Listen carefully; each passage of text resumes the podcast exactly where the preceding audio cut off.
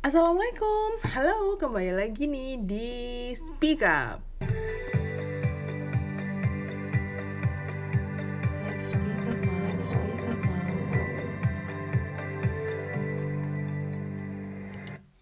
Speak Up minggu ini akan bersama aku Uta Chandra yang akan ngobrolin tentang cara mendidik anak perempuan.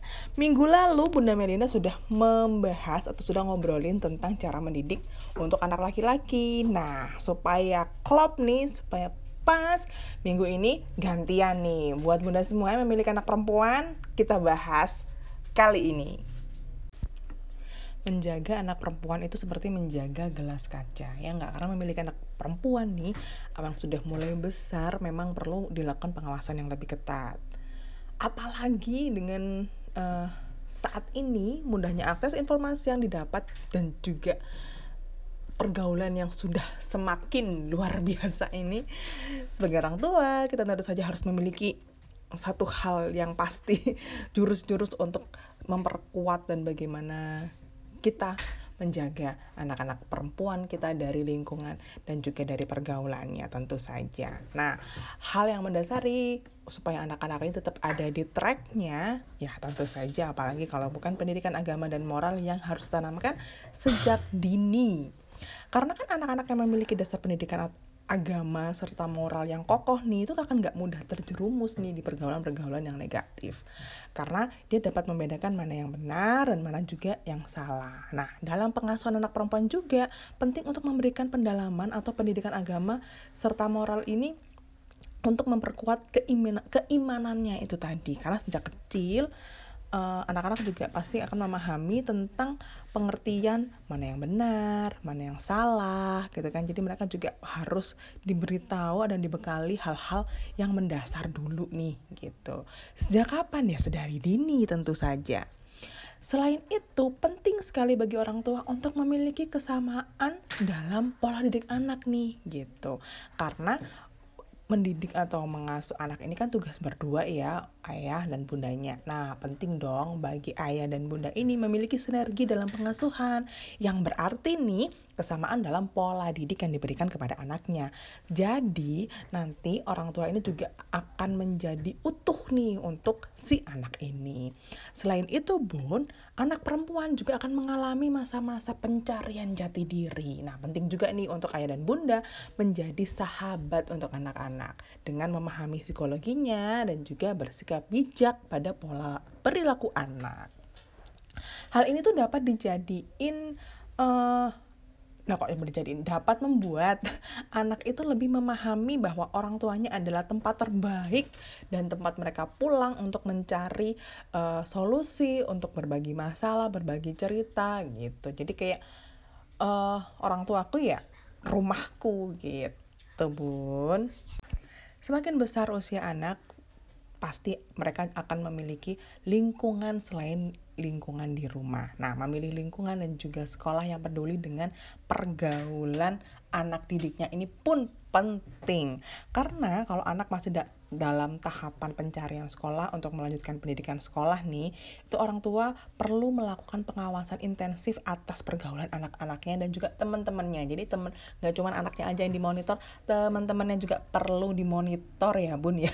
Karena zaman sekarang itu uh, kalau aku pribadi sudah tidak bisa memakai berteman dengan semua orang. Enggak. Sekarang kita memang harus memilih mana teman-teman yang memang berdampak positif dan di uh, kick aja teman-temannya yang berdampak negatif itu tadi. Karena memang harus diproteksi juga.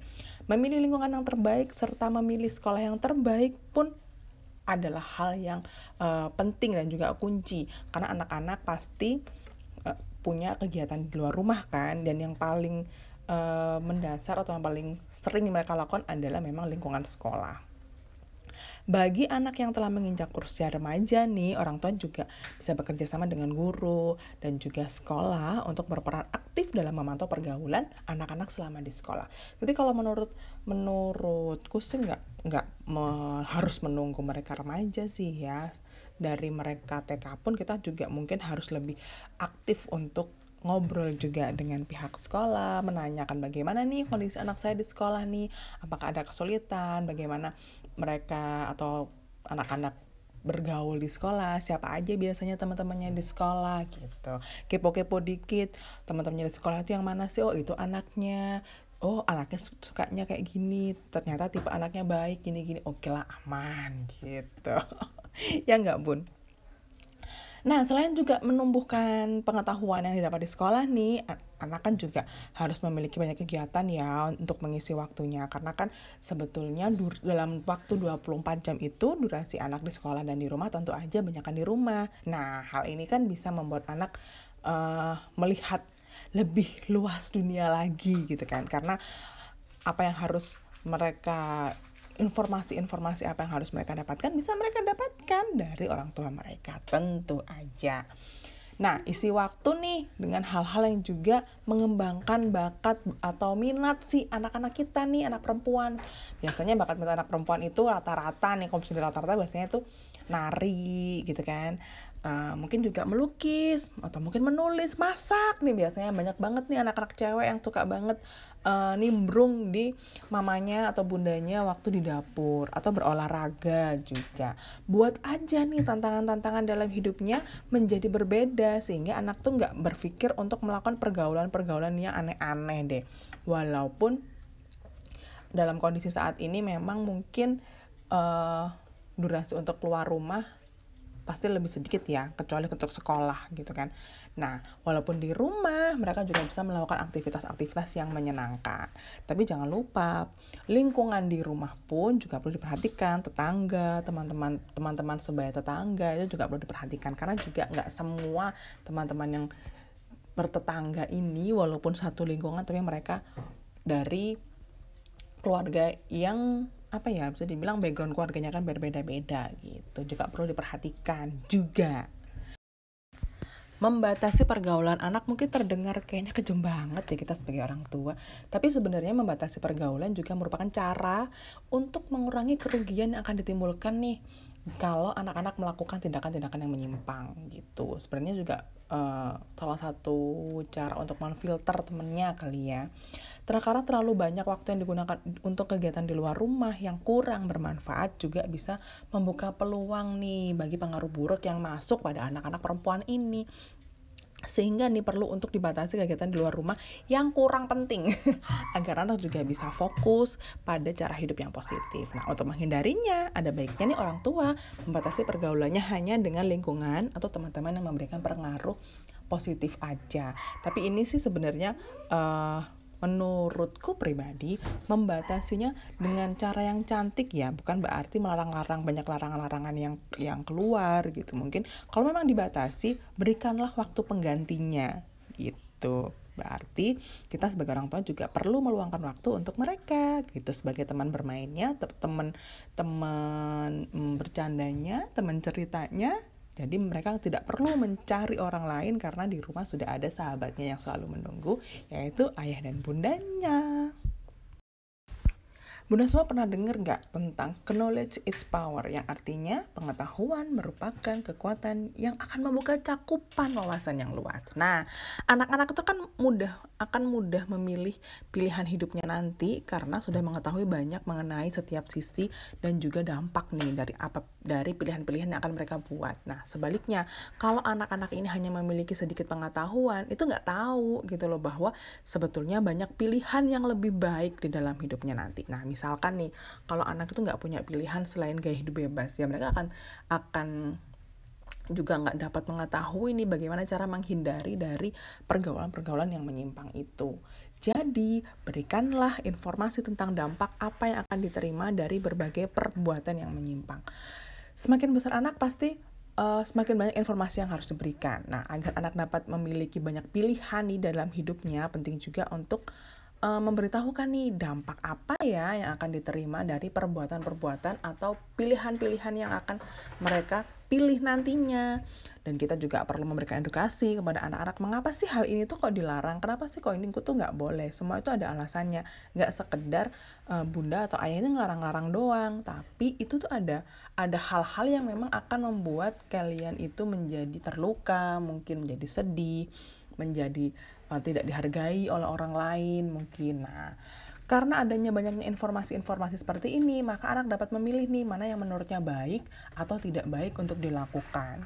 Nah, melakukan edukasi dengan sesi yang nyaman dan juga menampilkan contoh-contoh kasus yang ada di sekitarnya adalah mungkin teman-temannya temennya punya kejadian apa bisa kita breakdown juga oh itu mungkin karena ini ini seharusnya dia melakukan ini ini karena kalau melakukan hal itu akan berdampak seperti ini ini gitu. Karena memberikan contoh itu akan lebih mempermudah anak untuk memahami bahwa setiap perbuatan setiap tindakan yang mereka pilih semuanya memiliki resikonya masing-masing yang harus mereka tanggung gitu. Dan mereka juga harus bertanggung jawab atas semua pilihan-pilihan pilihan-pilihannya mereka.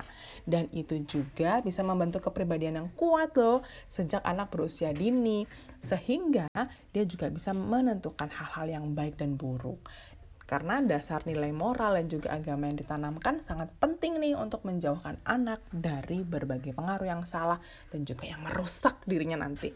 Gitu bun. Nah kira-kira ayah bunda semua punya jurus apa lagi nih untuk mm, menanamkan nilai-nilai positif dalam diri anak sedari dini. Nanti bisa sharing ceritanya ya langsung aja geser ke grup komunitas kita untuk kita ngobrolin lebih lanjut lagi. Kira-kira ada apa lagi ya yang bisa diberikan nih? Siapa tahu ayah bunda semua masih punya cerita-cerita atau punya contoh kasus mungkin yang bisa kita obrolin bareng-bareng. Nanti bisa kita ambil juga uh, pesan moralnya bisa terinspirasi juga bahwa ternyata menjaga anak perempuan itu memang tidak semudah itu. Sebetulnya nggak cuma anak perempuan aja sih ya, zaman sekarang mah anak laki-laki juga tetap harus dijaga dengan baik gitu kan. Ya nggak setuju? Informasi tadi sudah aku rangkum dari artikel cara mendidik anak perempuan agar tidak terpengaruh oleh pergaulan dari popmama.com. Terima kasih ya Bunda sudah mendengarkan dari awal sampai akhir. Yuk kita langsung bergeser ke grup komunitas supaya kita bisa mendiskusikan lebih lanjut lagi. Nah, sampai berjumpa di podcast berikutnya minggu depan bersama Miss Melinda. Apakah yang akan diangkat? Kita tunggu aja minggu depan. Terima kasih. Wassalamualaikum.